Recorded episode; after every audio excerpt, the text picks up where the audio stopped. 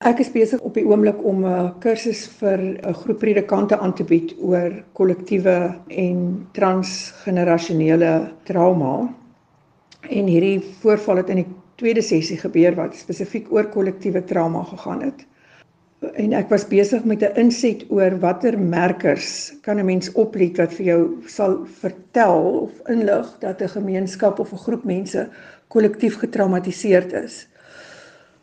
En toe het iemand skielik net begin skree. Help my, help my, ek word aangeval, ek word aangeval, ek is beseer. En natuurlik was die hele groep totaal en al verstart en ehm um, dit het so onwerklik gevoel. Aanvanklik kon mense eintlik lekker verstaan wat presies is, is aan die gang nie.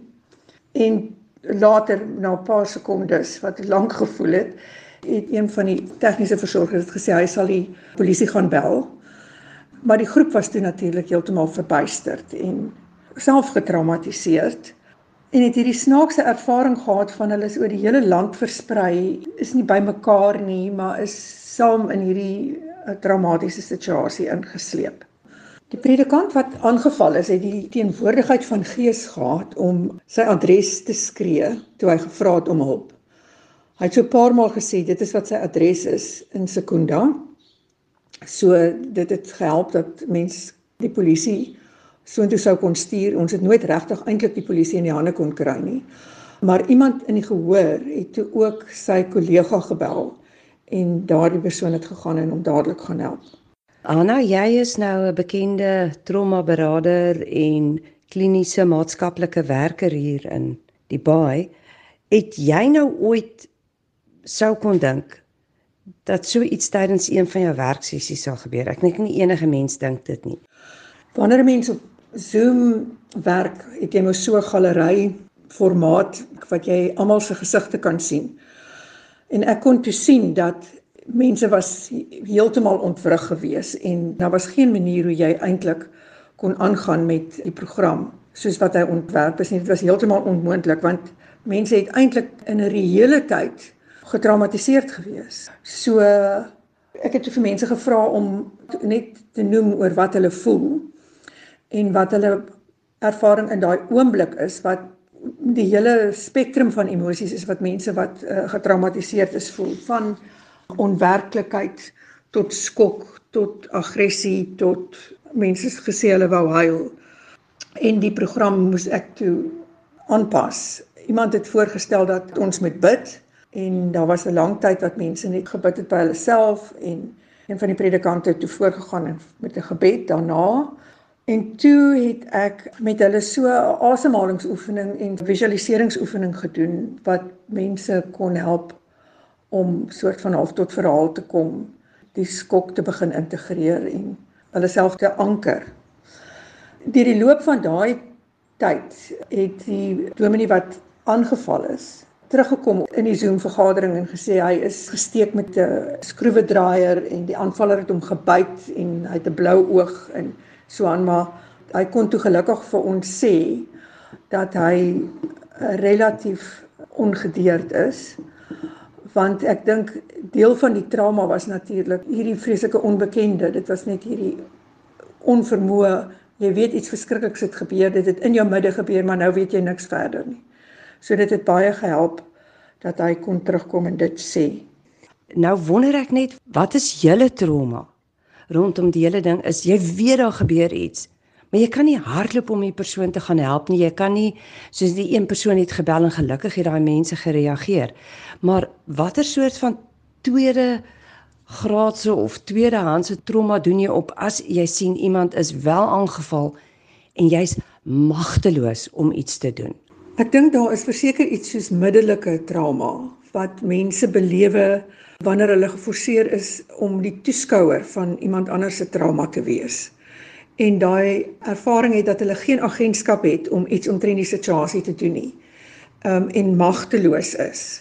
Die groep het dit duidelik gesê dat hulle magteloos gevoel het, maar tog het hulle ook besef dat die feit dat ons in daai Zoom vergadering was, amper half van 'n lewensboei vir die man was wat aangeval is want as hy alleen in sy huis voor sy rekenaar gesit het sê net maar 'n preek uitgewerk het, dan het niemand geweet dat hy aangeval word nie. So dit was 'n soort van 'n tweeledige ervaring van magteloosheid en hulpeloosheid.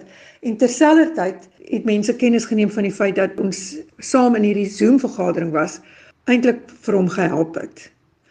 En na hierdie insident het ons weer 'n sessie gehad en het ons weer oor die ervaring gepraat. En wat vir my toe interessant was is dat baie van die deelnemers het gesê dit het hulle aan hulle eie ou trauma herinner. Insidente waar hulle self slagoffers van geweld was of van misdaad was. Um, en dit is natuurlik 'n ander eienskap van trauma is dat trauma aan mekaar vashak en amper soos 'n weghardloop trein kan raak. Ja, ek dink daar's omtrent elke Suid-Afrikaner kan al sê hy het al 'n paar trokke op daai trauma trein. Daarom nou nog nie aan die weg hardloop nie, maar almal van ons het al iets beleef en dit laat my nou dink aan die predikante wat Sondag na Sondag God se woord moet bring aan die mense, maar dan kyk hy in die vrou se gesig vas of in daai man of in daai kind en hy weet hulle deur 'n trauma gegaan en eintlik kan hy niks doen behalwe hulle om kom vra nie. Is dit hoekom hulle die kursus dan by jou volg, die aanlyn kursus oor trauma en verwante ervarings waardeur mense gaan en wat mense kan ontspoor. Ja, ek dink dat gemeentes en gemeentelede kyk dikwels na predikante en verwag dat hulle sal weet hoe om mense deur hulle trauma te help en op trauma te reageer op 'n manier wat vir mense sal voel hulle word omarm. Ek dink baie predikante voel op die oomblik oorweldig met die baie spesifieke trauma wat COVID-19 vir ons meebring baie mense wat geliefdes verloor, wat sterf en ons gewone prosesse van rou en so aan is ontwrig. En baie van daai emosionele las word dan na predikante toe gerig en dit is dis vir hulle swaar om om daai las te moet dra.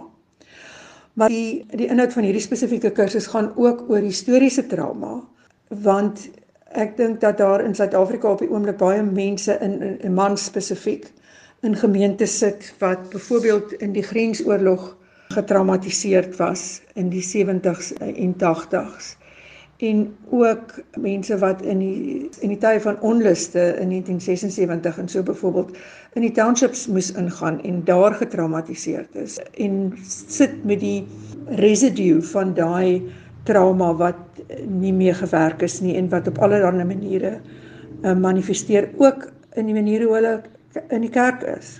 Maar dan word daar baie geverg van 'n predikant wat ook as herder van 'n gemeente beskou word. Ek is seker dit moet hulle ook traumatiseer as hulle ander se traumas beleef of self dit aan hulle oorvertel word. Waar kan die predikant dit dan nou weer kwyt? Daar is 'n vreeslike sterk projeksie soms van gemeentes dat die dominee alles moet weet en die dominee moet alles kan doen en alles kan omvat wat natuurlik 'n onmoontlikheid is. En dit hang af of predikante daai projeksie opneem en jy weet dit deel maak van hulle eie idee van hoe moet 'n mens wees as jy 'n predikant is. En ek dink as hulle die projeksie opneem dan beland hulle soms in die moeilikheid omdat daar te veel van hulle gevra word en wat regtig eintlik bo menslik is. Daar bestaan wel goed wat vir predikante help om hulle self te versorg want dit is eintlik waaroor dit gaan. Jy weet ek weet byvoorbeeld dat daar groepe bestaan vir vroue predikante om mekaar te ondersteun want hulle kry dit baie keer maar dink ek swaar in 'n patriargale omgewing.